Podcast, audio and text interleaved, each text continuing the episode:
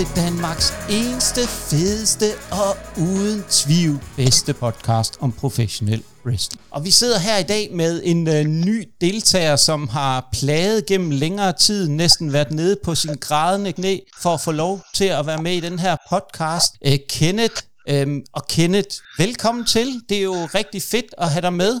Jo tak, jo tak. Og, jeg er også glad for, at jeg må deltage. Ja, men det kan jeg godt forstå. Det er heller ikke alle, vi bare sådan hiver ind. Men uh, Kenneth, lytterne skal jo også vide, hvem er Kenneth? Jamen, øh, jeg, øh, ja, jeg hedder jo Kenneth, og så er jeg 33 år og fra Helsingør op i Nordsjælland. Og jeg har set wrestling nu i, ja, hvad, siden 2002 cirkus, øh, hvor jeg så en Elimination Chamber kamp mellem øh, med Goldberg, der spirede, øh, var det Jericho igennem en, øh, et pot dengang, øh, og siden da, så bliver jeg bare fanget af det. Ja, og så, så har jeg fulgt det lige siden, og har fulgt meget med i de forskellige promotions, som nu er. Og nu senest, ja, AW, som er kommet med ind over. Ja, det er jo noget, vi, øh, vi to ligesom kommer til at lave lidt mere om senere. Der har vi valgt at holde øh, Kim uden for øh, den del, fordi der er jo, øh, Kim, der er jo noget med, at øh, du er ikke den største fan af AEW. Udover at du har et stort kærlighedsforhold til både Kenny Omega og The Young Bucks, som er dit favorit tag team. Altså, Men, jeg kan jo godt lide at snakke om ting, jeg ved noget om, og nu kan jeg jeg holder mig mest til wrestling, så, øh, så hvad jeg ellers snakker om andre ting, det må I jo... Jamen, det er rigtigt nok. Der, der kan vi sidde og tage lidt øh, med legetøjsfigurer og alt muligt andet, ikke? Øh, det, det gør nok ikke den store forskel, om det er det ene eller det andet, tænker jeg. I hvert fald ud fra din, dit perspektiv, Kim. Men Kenneth, det var jo en super fed uh, intro, og uh, godt uh, at have dig med. Og uh, grunden til, at vi egentlig jo uh, sidder her i dag, det er, der bliver vi jo nødt til at kaste lidt lys øh, over det her for vores lyttere. Vi øh, valgte jo at række øh, hånden ud til vores øh, lyttere. Øh, vi valgte jo at række ud til vores lyttere for ligesom at få inddraget jer lyttere i den her podcast, og øh, vi stillede jer jo over for nogle, vil jeg sige, uden tvivl, nogle ret svære valg. Er du ikke enig, Jonas? Altså, man synes, at overbevisende var det egentlig, at øh, Undertaker, han fik jo øh, den her sejr, som var helt overbevisende. Selvom jeg egentlig havde håbet på, at vi kunne snakke om Brad the Hitman Hart. Den har jo meget interessant historie. Men jeg kan da også forstå, at lytterne de ikke gider at høre til den meget gamle Hulk Hogan, som er jo er jo meget kontroversiel herre i disse tider jo. Så jeg synes, at øh, vores skolelyttere har valgt et rigtig godt fokusafsnit med Leon Taker. Der er jo ingen tvivl om, at The Undertaker er jo et øh, fænomen, og er en øh, personlighed inden for wrestling, og medlem af Hall of Fame hos øh, WWE, Kim. Men uh, Kim, hvad, hvad tænker du om den her måde, vi ligesom har valgt at gribe det an på? Fordi nu har vi jo valgt at inddrage lytterne lidt, og ikke har brugt vores egen suverænitet i forhold til at vælge, hvad vi skal snakke om. Jeg synes, det er fint jo. Vi laver vel podcasten, det er jo egentlig for at få nogle øh, lyttere med, jo, så de skal jo have lov til at vælge lidt en gang med, hvad vi snakker om. Så jeg synes, det er en god måde, vi gør det på. Ja, og jeg kan afsløre lidt allerede nu. Nu har jeg jo siddet og talt lidt op, og The Undertaker sådan på tværs af alle platforme, der, øhm, der fik han faktisk over 130 stemmer. Så det er jo, øh, det er jo ret suverænt i forhold til Brad the Hitman Hart, som fik øh, 57. Så, så det er jo, øh, men nu tænker folk også, kommer I så ikke til at snakke om Brad the Hitman Hart og Hulk Hogan? Der er ikke nogen tvivl om, at det også vil være nogen, vi på sigt kommer til at kaste os over. Der, fordi, som du også er inde på, Jonas, helt korrekt, der ligger jo en kæmpe, kæmpe historie bag ved de her øh, wrestler, som er jo super, super interessant at fortælle. Så det kommer ikke til at slippe for jer, der har stemt på Hulk Hogan og Bret the Hitman Hart. I kan godt glæde jer, for på et tidspunkt kommer vi til at kaste os over begge to. Men nu skal vi jo til det, det hele handler om. Vi skal jo først starte med at ligesom fortælle lidt om, hvad vores forhold til The Undertaker som wrestler er. Og Kim, det er jo dig, der er eksperten på selve wrestling-delen, så jeg synes, du ligesom skal starte med at fortælle lytterne lidt om dit uh, forhold til The Undertaker som wrestler. Jamen, mit forhold til Undertaker, det er, at øh, jeg er jo ret øh, vild med ham, øh, især i starten. Øh, jeg synes, det var fedt, han kom ind til det her, øh, min mor kaldte det bedemandsmusik. Øh, og jeg kan huske, at jeg sad og så Survivor Series sammen med to kammerater faktisk. Øh, og øh, de var meget, meget imponeret over, da Undertaker kom ind, fordi altså, de mente jo nærmest, at var tre meter høj, og øh, sådan halv, øh, så, så meget farlig ud. Så altså, det var en, øh, det var, du ved, selvom de ikke var wrestling-fans, så var det faktisk en, de kunne forstå lidt. Det, det synes jeg altid er imponerende, når der kommer en wrestler ind, som, som folk, øh, der ikke er wrestling-fans, også kan være lidt imponeret over. Kenneth, så synes jeg, at du som øh, den nytilkommende skal have lov til at sprede lidt af din viden ud til lytterne og dit forhold til The Undertaker som wrestler. Jamen altså, mit forhold til Undertaker, det er jo nok ligesom så mange andre, altså hele mystikken og historien, den her grænse imellem det gode og det onde. Og så for mig har han også været øh, den legitte person i forhold til, når nye wrestler ligesom skulle godkendes, hvis man kan kalde det det. Sådan så, at hvis man så, de var mod Undertaker, og de fik mere end 10 minutters kamp imod ham, eller de fik lov til at vinde over ham, så var det for mig også ligesom et, han kan noget der. Så for mig er Undertaker, udover at det var den her karakter, så var han også, øh, han er eksamen på, om, om den næste generation, næstkommende wrestler er, er klar til det. Uh, super, super gode pointer, du har med, Kenneth. Det er, der er på mange måder nogle rigtig gode ting med der. Men Jonas, du skal jo også have lov til ligesom at kaste lidt lys over dit uh, forhold til The Undertaker som wrestler. Og når jeg bare hører ordet The Undertaker, så tænker jeg jo bare GOAT, GOAT, GOAT. Og fordi han har haft de mest legendariske kampe, der måske overhovedet findes, ud over WrestleMania, men også andre kampe, der har været betydning for det. Men når jeg også sætter forbindelse til The Undertaker, det første som alle andre, når de snakker wrestling og det, så tanker det jo kun på én person med det samme, og det er jo Undertaker ham selv jo ikke, også fordi elsker hans karakter, elsker den måde, at man kan se frygten på hans modstanders øjne og sige, oh shit, agtig, ikke? Og det er jo også bare det fede ved Undertaker, og jeg har altid godt kunne lide hans øh, stil, fordi når man tænker på dengang, og så opfølgende i 90'erne, så til i årtusinderne, og jamen, manden har jo bare, han er bare dygtig til alt det, han øh, gjorde dengang, og så frem til 2020. Jamen, øh, der er ingen tvivl om, at øh, I har jo sagt meget af det, som øh, netop er med til at adskille The Undertaker fra alle andre, hans øh, personlighed, karakter, og han er på mange måder det, man kan sige, han kom ind som noget helt særligt, en helt ny øh, evne til at skabe en øh, karakter, som han gjorde, øh, og han samtidig bidrog med noget, hvor vigtigt det er at kunne adskille sig fra mængden.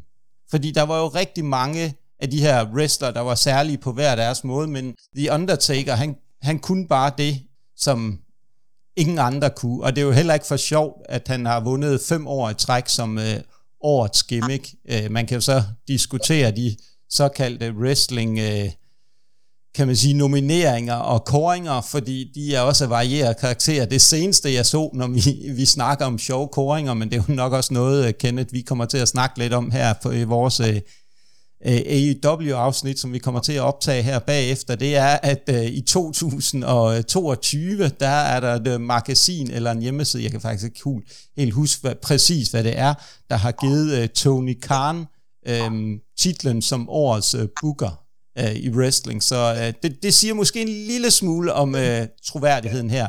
Men for at vende tilbage til The Undertaker, så er der jo ikke nogen tvivl om, at han startede som sådan lidt, synes jeg, lidt som sådan en freak. Et lidt tænkte, hvad, hvad er det her? Jeg glemmer det aldrig, hvor jeg tænkte, okay, der kommer en total mystisk mand ind her, øh, som Ted DiBiase øh, bringer ind, og så ligner han noget, som vi ikke har set før.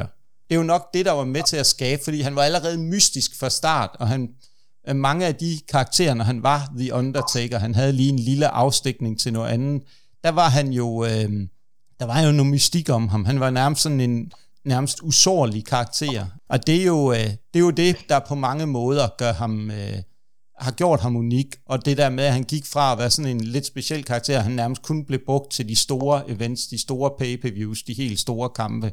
Han kæmpede ikke, øh, som vi ser i dag på mange måder, øh, mellemkampe, eller hvad, hvordan man kan karakterisere den her del af det. Men vi har jo også altid haft et punkt øh, på det her, når vi snakker om øh, de forskellige vores øh, fokus-episoder. Så har vi jo altid et punkt omkring fun facts, omkring de her wrestlere. Og der snakkede vi jo kort, Jonas, tidligere her omkring, at du sagde, at du havde en øh, kaskade nærmest af sjove øh, facts omkring The Undertaker. Så jeg synes, du skal starte med at kaste øh, lys over den her del. Det kan du tro. Fun facts med herr Holm. Vidste I, at The Undertaker, inden han kom til WWE, han faktisk var i WCW? Ja, det vidste jeg godt. Og hvad hed han i WCW? Er der nogen, der ved det? Min Mark Callis, hans rigtige navn, ikke? Eller noget Lige præcis. Ja. Lige præcis, det var dernede. Og det sjove er faktisk med WCW, han var faktisk tæt på at skrive kontrakt med dem i kaosåret i WCW i år 1000. 2000. Tænk, at hvis det ikke er sket, og hvis det overhovedet var tæt på det, så skulle han gå under sit øh, rigtige navn, Mark Calloway. Prøv at tænke, hvordan det har været skift og været fuldstændig kaos i vores tid, at The Undertaker havde gjort denne her skifte, og hvordan det har set ud, selvom han nok bliver taget tilbage i WWE igen. Den sidste fun fact, jeg lige har, det er hans tatovering. Han havde jo engang sin øh, eks-kone, øh, kærestes navn, hvor der, der står Sarah, og den blev øh, så hurtigt også lige øh, skiftet ud igen, efter han øh, ikke dannede sammen med Sarah som jo egentlig også var med i en storyline med Lee Undertaker i den nok øh, underligste storyline, der har været i den tid i 2001 med DDP som Lee Star. ja, der er mange øh, sjove storylines der. Som var også DDP's øh, debut i WWE. ja. Um, Ja, men uh, super Jonas, det var jo nogle uh, fantastiske Kim. Jeg synes, du skal have lov til at tage over for den her del også. Altså, jeg synes jo, at det sjoveste fun fact, det er, at han jo i starten hed Kane The Undertaker. Og det samtidig blev hans øh, øh, nemesis nummer et sådan i løbet af årene, nemlig hans bror Kane. Så det synes jeg er lidt sjovt, at de startede med at kalde ham det. Ja, og det er jo egentlig også en af de ting, vi kommer lidt nærmere ind på, inden, øh, inden vi ligesom cutter af for i dag. Det er, øh, det er, at hvad, hvad der egentlig, hvordan den her karakter blev skabt, The Undertaker, og hvorfor det endte, hvor det gjorde øh, med ham som karakter, den der udvikling, der har været. Fordi der var netop, som du er inde på, Kim, den del omkring uh, Kane the Undertaker, selve skabelsen af det og forløbet inden, fordi det var jo også en lille smule speciel. Men Kenneth, jeg ved ikke, har du, øh, har du nogle sjove facts omkring The Undertaker, vi ligesom skal uh, berige vores lyttere med? jeg ved ikke, om det er sjov facts decideret, men der er der en, øh, ved I hvem, der var, hvem han vandt sit første titelbælte over? Og det var bare sådan i wrestling generelt, inden øh, ved WCW og WWE. Ja, jeg, ved, jeg ved ikke, hvem man vandt det første titel over. Det var faktisk Jerry the King Lawler i øh, et wrestling firma, der hed USWA, U- ja, Unified jeg, jeg, World. Jeg har faktisk set en kamp med ham og Jerry Lawler i USWA, men det var en turnering, og der tabte Undertaker til Lawler i første runde. Men det var faktisk ja. Øh, ja, deres titel, der var vacant, så, øh, så jeg har bare set, øh, jeg har faktisk set ham wrestle der. Ja, det er meget sjovt. Men øh, det var faktisk den første, han vandt sit år. Øh, ved I, hvad så han blev, øh, blev, han blev kaldt dengang? Ja, uh, master, er det ikke Master Pain eller sådan Jo, Master of Pain. Men han startede jo faktisk, men det kommer vi faktisk også lidt ind på, for vi skal snakke lidt om uh, Kenneth, om hans tidlige år. Der vil det jo være super netop med nogle af de her facts. Uh, men han gik jo faktisk også helt oprindeligt under Texas Red. Havde han også et navn. Men uh, den del kommer vi ind på lidt senere. Så skal du nok få lov til at øse ud af den her uh, fantastiske viden, du har omkring det. Men øh, jeg, jeg vil jo også gerne bidrage lidt omkring nogle sjove ting om The Undertaker. Han har faktisk en fobi for en øh, grøntsag, eller hvad man kan kalde det. Lidt, jeg ved ikke om... Ja, det er rigtigt, og det er lidt sjovt. Der er ikke rigtig nogen, der helt kan forklare, hvor det stammer fra. Men han er altså ikke øh, glad for agurker. Og det er der jo nok mange, nogle børn vil jo nok sikkert give ham ret i det, for de jo har jo også... Øh, de mener jo også, at grøntsager er gift, men... Øh, og så har han faktisk... Øh, været ved at kvæle Kurt Angle på et fly engang for mange år siden. Og det var, øh, hvor han havde ligget og sådan småblundet, mens øh, Kurt Angle og Vince for sjovt havde wrestlet lidt rundt, og så vågnede Undertaker op og tænkte, hvad sker der her? Så han simpelthen taget fat i Kurt Angle, fordi han troede, at, at øh, det ikke var for sjovt, det der skete, og så var han nærmest ved at kvæle Kurt Angle på den. Og så har han jo også en anden lille ting. Han har jo, det er jo ikke mange filmroller, han har været med i. Men den film, der hed Suburban Command med Hulk Hogan, der havde han faktisk en lille rolle, og det var derigennem Hulk Hogan lærte ham lidt bedre at kende øh, i forhold til øh, hans evner med øh, wrestling, og hvorfor han egentlig kom med over øh, WWF eller WWE, som det hedder øh, her efterfølgende. Så, så der er jo rigtigt, og så er der en, den sidste lille ting, det er, jeg ved ikke, om I kender det, øh, han var, havde jo sådan en gruppe, hvor han var venner med en del folk øh, backstage, og det, det falder jo rigtig godt i uh, tråd, Kenneth, med det du var inde på, at han var sådan lidt en form for en uh, gatekeeper uh, i forhold til at få folk over. Han var en del af noget, der hed Bo- Bone Street Crew, altså som var sammen med The Godfather, Yokozuna, Savio Vega, Riziki og Paul Bear og Brian Adams, Mr. Fuji og The Godwins. Så de havde sådan et eller andet, øh, en samling i i locker room, Kim, som du også har været inde på nogle gange, som ligesom var med til at øh, sørge for, at der blev holdt øh, ro og orden, og tingene foregik på en øh, god måde der.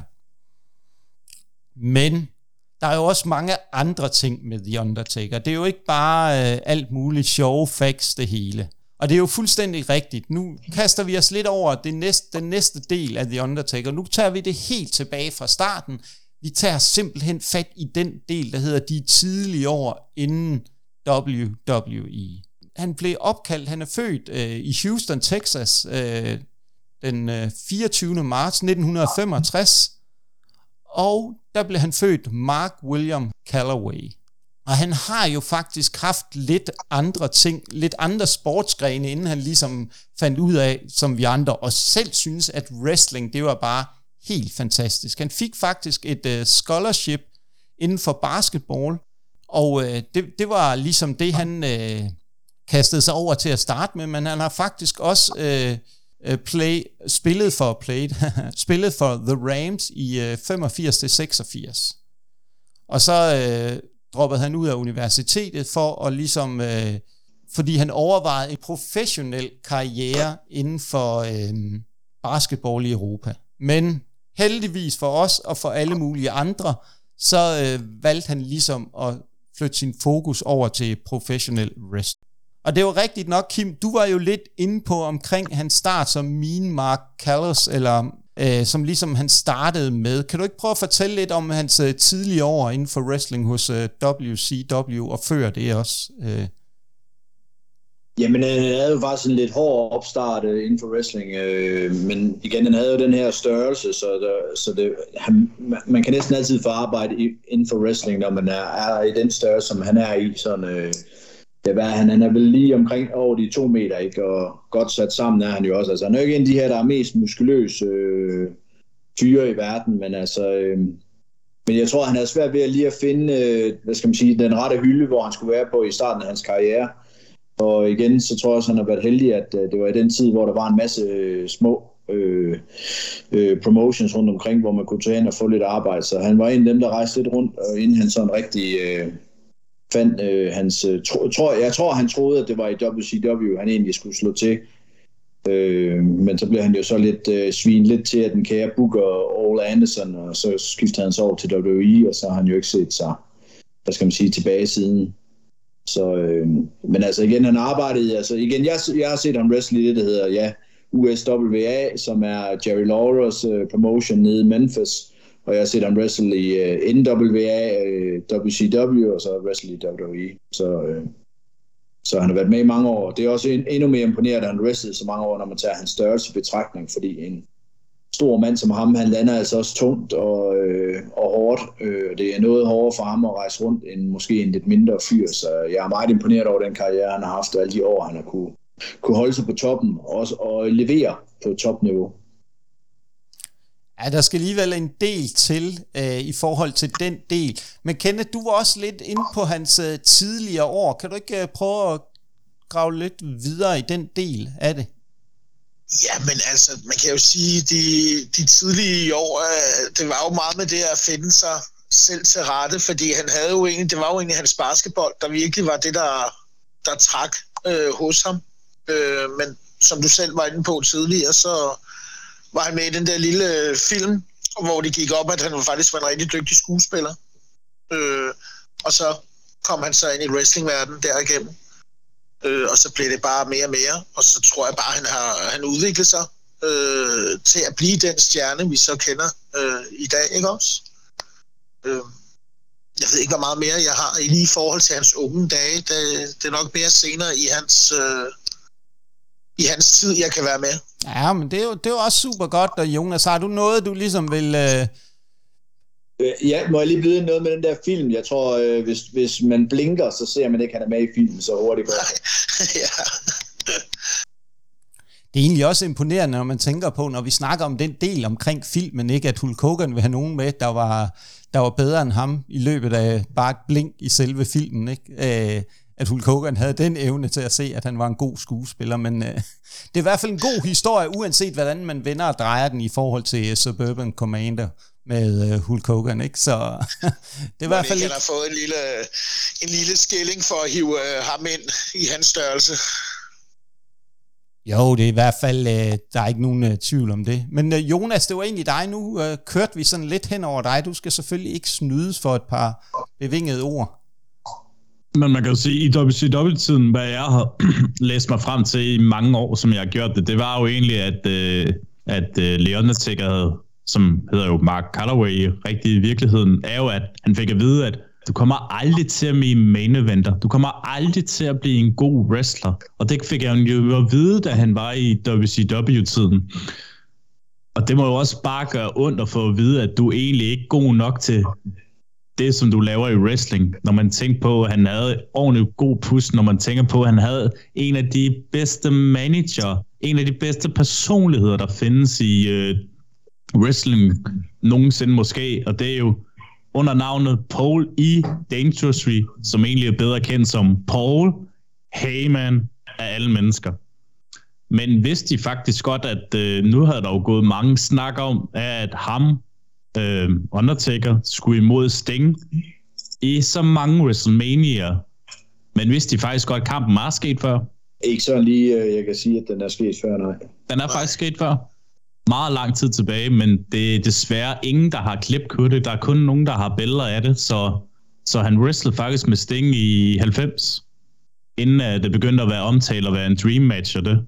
Uh, men umiddelbart, så er det jo også, vel, også en af grundene til, at han ikke fortsatte i WCW, fordi han fik at vide, at han ikke var god nok.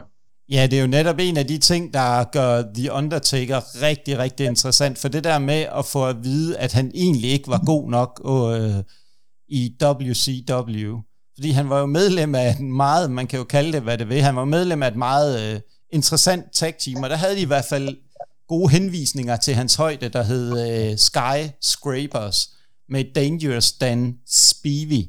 Og Spivey. Spivey, undskyld. Spivey, Kim. Kan du ikke prøve at fortælle mig lidt om øh, ham, Dan Spivey?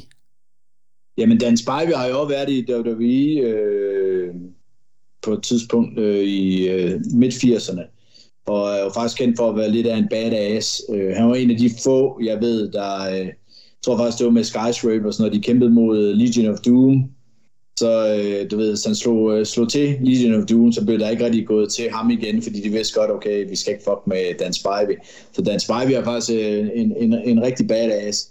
Og egentlig også lidt utroligt, at han aldrig blev mere, men jeg tror desværre, han havde ret mange skader, der gjorde, at han ikke blev holdt lidt tilbage, fordi han havde det her lysår, og øh, var jo faktisk øh, højere end øh, Hulk Hogan, så der var snak om på et tidspunkt, at han skulle være den, den næste Hulk Hogan, Dan Spivey.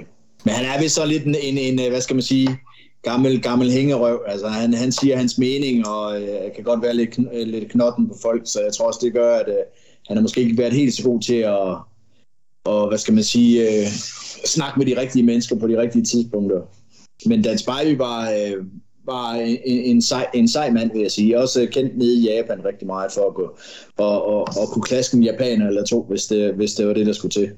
Jamen, det var, det, det, der skete jo det med Skyscrapers, at de blev øh, brudt op uh, midt under en fight med Road Warriors. Uh, der, Dan Spivey, han forlod hvem, WC. Øh, ved I så, hvem øh, Undertaker kom ind for i stedet for i Skyscrapers? Fordi det var jo to andre til at starte med. Nej, Kim, det må du jo fortælle os, tænker jeg. Det var uh, Sid Vicious, eller Sid Justice, eller Sid, eller hvad I nu vil kalde Psycho Sid. Lige præcis. Han røg så til WWE, og så fik uh, Undertaker så hans spot i Skyscrapers. Det kunne da ellers have været et glimrende tag team med de to, uh, Sid Vicious og uh, The Undertaker, eller Mean Mark oh, ja. Callis. Ja, But, øh, men øh, jeg, jeg så engang, jeg så engang uh, Sid Vicious og Dan Spivey smadre to job guys i uh, WCW. Og jeg siger at de der stakkels fyre der, der jeg, håber, jeg håber, de fik en god betaling, fordi de fik med med til. ja, Sid Vicious, han var i hvert fald ikke kendt for at holde sig tilbage. Nej, lige præcis. Der var nok også en grund til, at han kom blev en del skadet, og hvad han, der ellers var med ham. Var det, var det ikke ham, der brækkede benen der på et tidspunkt, hvor han hoppede fra ring? Jo, jo. Oh. Ja, han, han passede ikke på sig selv. Øh, ved I, hvem øh, den mest berømte wrestler, han kæmpede mod? Øh, Mean Mark Callis, a.k.a. The Undertaker hos uh, WCW. Det var faktisk om et uh, bælte ved The Great... Han mødte, han mødte i hvert fald Lex Luger, ved jeg, men jeg ved ikke, om det er den mest berømte lige for ham. Jamen, det er fuldstændig rigtigt, Kim. Han mødte faktisk uh, Lex Luger om NWA United States Heavyweight Championship with the, who, på The Great American Bash, hvor han tabte på efter en clothesline fra Lex Luger det er jo faktisk der, han har fået at vide, at WWE holdt øje med ham, øh, men var desværre også meget skadet i kampen. Men han tog faktisk kun kampen, fordi det var WWE, der var, han har fået at vide, at de holdt øje med den kamp. Så han var lidt træt af, at han var skadet, og han, jeg ved, at han ikke synes, at den kamp var særlig god. Ja, han skrev faktisk under med øh, WWE i øh, oktober 1990. Øh, og derunder, han, øh, mens han ligesom var i gang med de her forhandlinger, så tog han faktisk også en kort tur til Japan og wrestlede i New Japan Pro Wrestling, som mange andre har gjort, øh, også derefter. Er der nogen af jer, der har noget øh, specifikt viden om den tur, Kim? Det vil nok være oplagt at pege på dig der. Jeg må indrømme, jeg ved ikke, øh, der, der må jeg være der svar skyldig. Jeg ved ikke helt, hvad han har lavet nede i Japan. Har vist også kun været den ene tur, har det ikke det for. Jeg, umiddelbart synes jeg ikke, at man har hørt ret meget om ham nede i Japan. Nej, men det, det, det er også kun den ene korte tur, øhm, der har været. Men nu skal vi jo til øh, en af de ting, som jo er utrolig vigtigt. Øh, vigtigt, det var da en godt øh, lidt øh, angloficering af mit øh, sprog. Du kører meget Sidney lige dansk i dag, synes jeg. Ja, det gør jeg også, men jeg... Øh, man skulle næsten tro, at jeg havde siddet blod, sved og springskaller. Det har jeg dog ikke, selvom at det er legendarisk, øh, den del. Øh, og æret være hans minde. Han var jo alligevel med til at skabe en masse, kan man sige, fokus på wrestling. Men lad os komme tilbage til The Undertaker, skabelsen af karakteren The Undertaker og debuten.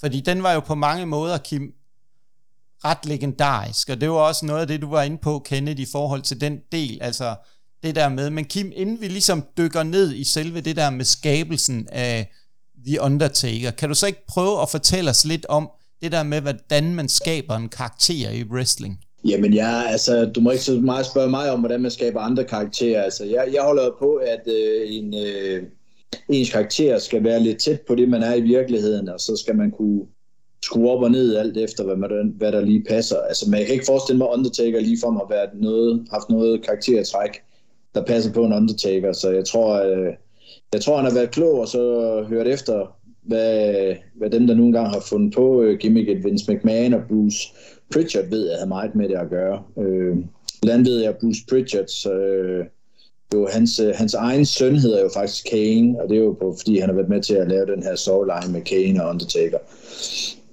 Øh, men jeg tror simpelthen, at han greb den her chance. Øh, jeg ved, hvad jeg har hørt, så øh, blev han jo bare ringet op på telefonen, og det var Vince McMahon, der sagde, er det, er det Undertaker i telefonen til ham? Og så tænker jeg, hvad fanden? Nå, så siger jeg bare ja, og så sagde han ja. Og det var ligesom den måde, han fik at vide, at han skulle være en Undertaker på. Så øhm, han troede faktisk, at han skulle være The Goblin Google til at starte med. Ja, der var jo et meget berømt æg, og det var faktisk en af de fun facts, vi ikke fik med. Han var jo faktisk reelt super bekymret for, at øh, han skulle få sin debut som øh, wrestler ved at springe ud af et æg. Men jeg må også sige, jeg tror ikke, han har været super, øh, set super meget fremtid i gimmicket Undertaker til at starte med, for igen, når man øh, ser på WWE, så mange af de her gimmicks, der kom, altså det er jo ikke ret mange af de der gimmicks, der slog igennem jo ret tit jo, men øh, man må bare sige, at han tog den og, og løb alt det, han kunne med. Han bliver vel også WWE champion, inden, eller WWF champion inden for et år, det skete jo stort set aldrig dengang. Ej, det er kun sket for Kurt Angle også, øh, inden for meget kort tid efter debuten, at øh, er blevet puttet et bælte på øh, en person. Ja, lige præcis. Så det siger jo lidt om øh, talentet og, og hvad de ligesom har kunnet se i ham. Ikke? Og igen, han vandt over Hogan, det var der altså ikke ret mange, der gjorde dengang. Nej, det er i hvert fald ikke, øh, ikke uden at kunne noget helt exceptionelt øh, på den karakter. Men, men Kenne, kan du ikke også prøve at fortælle lidt om altså dit forhold til øh, den der med skabelsen af karakteren The Undertaker, og hvad du ligesom øh, har af mening og holdning til den del? Jo, det kan jeg da selvfølgelig. Øhm, jamen, jeg synes jo, at, at, at skabelsen er, altså hele den her mystik, han kommer ind med, øh, for det første synes jeg, at en bedemandskarakter er jo genialt tænkt ind i sådan en, en, en wrestling-verden, fordi den er et eller andet sted nem at relatere til, og du kan lynhurtigt slå til og fra i forhold til, om det skal være en good guy eller en bad guy. Øhm, og så den her debut, han får til Survivor Series, hvor han kommer ud, og apropos I snakkede om før, at han ikke var menevent klar. Ved, hans første kamp i WWE, det var meneventet, hvor han kommer ud til, så det er jo også lidt sjovt at, at tænke over, at, at det bliver hans første ligesom kamp på den store scene, ikke også? Øhm. Det var ikke meneventen, den første kamp, han havde. Nå, det synes jeg, det havde jeg læst mig frem til. Ah. Det var derfor. Nixon. Ja. Men, øh, men i hvert fald, altså, skabelsen af ham, det er jo bare en... Øh, ja, den er, den er svær at forklare, fordi det er så, det er så godt skruet sammen i, i mindste detalje. Øh, og så da man tilknytter Paul Bear senere hen, altså, det, det er jo et, et dream, dream setup, man har fået skaffet sig der. Og det tror jeg også, at de så dengang, øh, McMahon. Og så skal vi jo have indie-nørden, øh, eller kronprinsen, eller hvad vi nu kalder dig, Jonas, Svigermor Strøm. Kært barn har mange navne. Kan du ikke øh, prøve at kaste lidt glans over skabelsen af karakteren The Undertaker? Der er meget, jeg er blevet kaldt i mit liv, men kronprinsen, det var sgu noget af en ære at få den, øh, Nikolaj. Øh, nej, men som i altid wrestling er det jo også vigtigt, at man skaber sig en øh, god karakter. Øh, også i forhold til, at øh, WWE var gået i retning mod, at de skulle køre den der cartoon-agtige stil, som man jo gjorde rigtig meget i den side af det, at, øh, at man prøver at finde den mest frygtindgydende wrestler, man kan have, og bare er sådan, du ved, virkelig på den sorte side af det, og så var det jo også bare perfekt, han kunne, du ved, have karakteren, og have en, som styrer en wrestler, fordi der havde man jo ikke sådan rigtig set før, og hvis man også kunne forestille sig, at øh, Paul Bear siger, du skal gøre det der, og så gør lige Undertaker, uden at han ligesom altså, siger noget til det. Han gør det bare, hvad hans øh, manager siger, ikke? Og det er jo også det, der var perfekt, jo, ikke? Men det skulle også siges i Survivor Series 1990, det var jo egentlig ikke Paul Bear, der var inde med ham på det tidspunkt. Det var jo øh, Brother Love, og det var Bruce Pritchard, ja. Som er Bruce Pritchard, ja, lige præcis. Ja. Yes. Så, men det var vist noget med, at uh, Bruce Pritchard havde det der love show, hvor han så førte til uh, Paul Bear, at han kunne få The Undertaker som manager, og sidenhen kørte det jo meget godt. Og jeg tror også, det var sådan en rigtig statement, da um, The Undertaker slog i hans første WrestleMania Jimmy Superfly Snooker, og det var der, man tænkte nok, han er nok the real deal. Altså, nu et fun fact, det er jo, at Paul Bearer, hans manager, rent, rent faktisk var Undertaker i virkeligheden. Han var jo bedemand. Ja, det, det er egentlig meget uh, sjovt. Og, men hvis vi ligesom sådan tager fat i den der del, jo, som var med til uh, at skabe uh, Survivor Series der i 1990, hvor at det hele starter jo med den helt, det helt gamle setup, vi har mellem uh, som Survivor Series jo var tidligere, Wargames jo også, som minder lidt om Wargames, som måske er en forfinelse af det, der var det jo, The Undertaker kom ind øh, som den der mystiske partner øh, til Ted DiBiase og hans øh, Million Dollar Team. Og der, der blev, fik han jo allerede på den måde, han kom ind på, og med den der store hat og den lange læderfrakke og sådan noget. Han, han var jo allerede der også grundet højden, ikke? Han er jo jeg mener, det er lige knap to meter høj, eller lidt over faktisk. Øhm, så han havde jo bare den der tilstedeværelse, som er jo helt eminent vigtig, som du kan have på mange måder som wrestler. øh, fysisk tilstedeværelse, kæmpe. Og så er der jo bare den måde, det der finishing move, han også øh, har på det tidspunkt, altså en tombstone pile driver. Det er jo også allerede i forvejen, ved vi jo, at en pile driver er noget farligt, ikke? Og den er jo ligesom den der med, at man tænker, okay, den er der ikke nogen, der rejser sig op fra, fordi den er på den måde, den bliver lavet på, og han laver den, ikke? Øh, og han lægger armene over kors, ligesom han lægger dem i en kiste, ikke? Altså, det, der, der bliver man... Øh, der bliver man, øh, ja, man bliver jo næsten skræmt og tænker, der er ingen wrestler, der har lyst til at vågne op fra det, øh, når de har fået en tur af The Undertaker.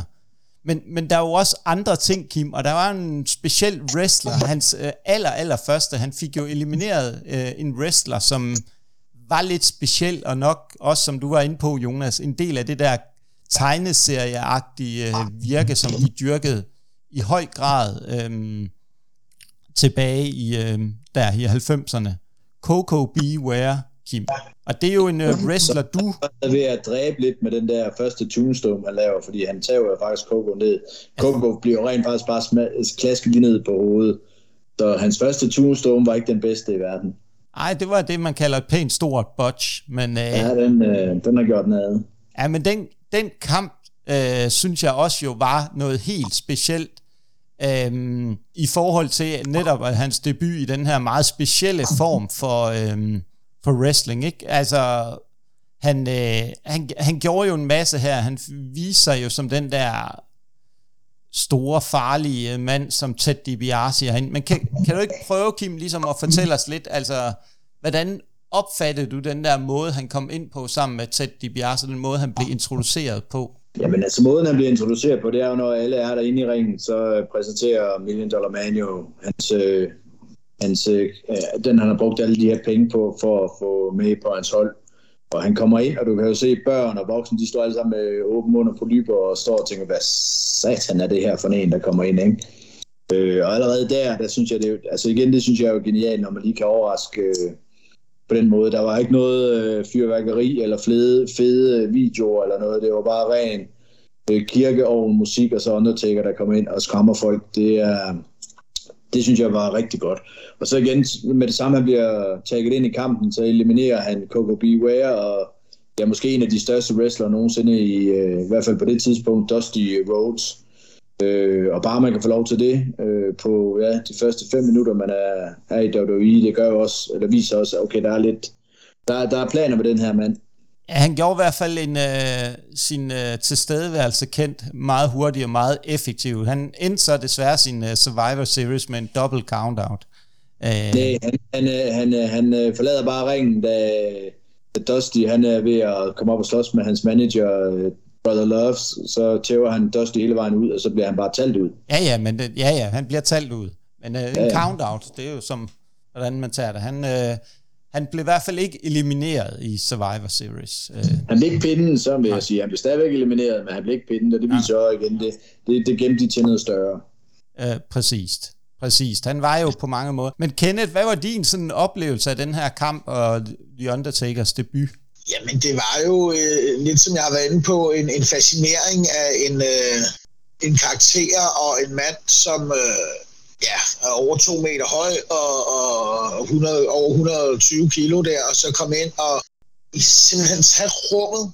Man kan jo mærke lidt, jeg, jeg føler i hvert fald, jeg mærker på publikum, at lige snart kommer ind, folk bliver meget koncentreret, meget øh, fokuseret på det her. Hvem er det? Hvad sker der? Øh, utrolig genial måde at gøre det på, og så lige ved Million Dollar Man af alle mennesker, der skal have, øh, der skal have Undertaker ind som en part det, det synes jeg var, var helt outstanding at se på. Og jeg er helt sikker på også, at det har været en kæmpe gevinst for, for, for alle, at man lige pludselig kunne se, okay, fordi de havde nemlig, som I siger, de har mange tegneseriekarakterer langt op igennem.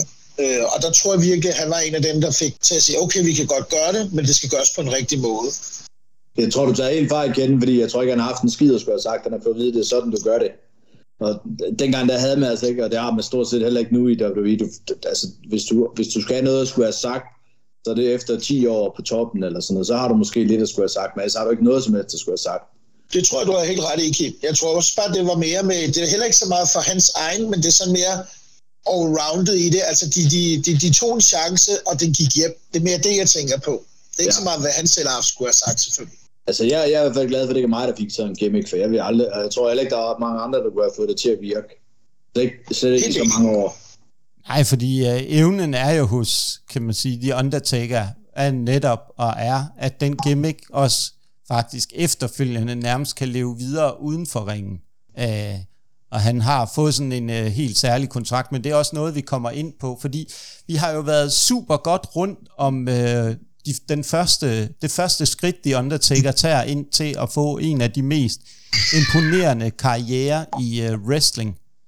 Øhm, altså er blevet et fænomen, og hvorfor han lige blev kaldt The Phenom. Øhm, og der er ingen tvivl om, at det her bliver noget, øh, fordi vi kommer til at cut af her. Det bliver vores første del af øh, historien om The Undertaker og vores øh, fokusafsnit, fordi der er så meget at fortælle, og i, man kan sige, for vores lytters vedkommende, kan de godt glæde sig til del 2, for der går vi lidt dybere ned i de næste skridt, The Undertaker tager i sin karriere, og nogle af de helt særlige kampe, som The Undertaker har haft, øh, både på godt og på ondt, nogle af de mindre gode. Så, så jeg vil sige, super interessant snak, super gode pointer, og Jonas, du, du, har, du skal måske også lige have lov til lige her at runde af her på falderæbet i forhold til dit forhold og det første skridt, i Undertaker tager øh, fra Survivor Series i øh, 1990 der kan man allerede se, at han begynder at bygge noget op, eller i hvert fald WWE begynder at bygge noget op på ham, fordi udover at han bliver WWE champion på et år, så kan man også tænke der, okay, det kan være, at vi bygger noget op på ham, fordi efterfølgende, så er det måske der, at han havde lidt mere spændende kampe, end han havde i starten af sin WWE-karriere. Jamen, det har du fuldstændig ret i. Øhm, det har du fuldstændig ret i. Så der er jo rigtig, rigtig mange til, ting til, der skal, der skal ligesom gøres op øh, i forhold til det. Øhm, så, så det er jo bare super spændende. Vi må bare sige, at det var jo alt fra første del fra øh, wrestlerne og nørderne, og Kenneth, det har jo været en øh, fornøjelse at have dig med.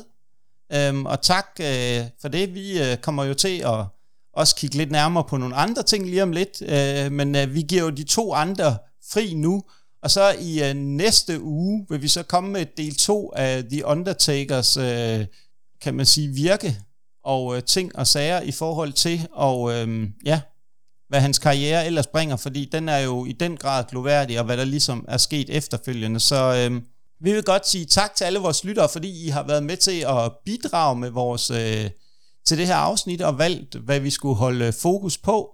Det har været en fornøjelse for os alle fire at grave ned i The Undertaker. en lille øh, sjov joke der. Det var jo fantastisk med min egen humor. Det kan man ikke andet grine af. Det, den, er, den er stor og vidt omfavnende. Og øh, næste gang, så vil vi lige for at blive rigtig sjov nu, kan man sige, så vil vi tage et spadestik dybere i forhold til øh, uh, The Undertakers karriere. Så uh, det var alt fra wrestleren og nørderen for den her gang. Vi vil godt lige opfordre jer lyttere til at gå ind og øh, følge os på øh, Facebook og Instagram.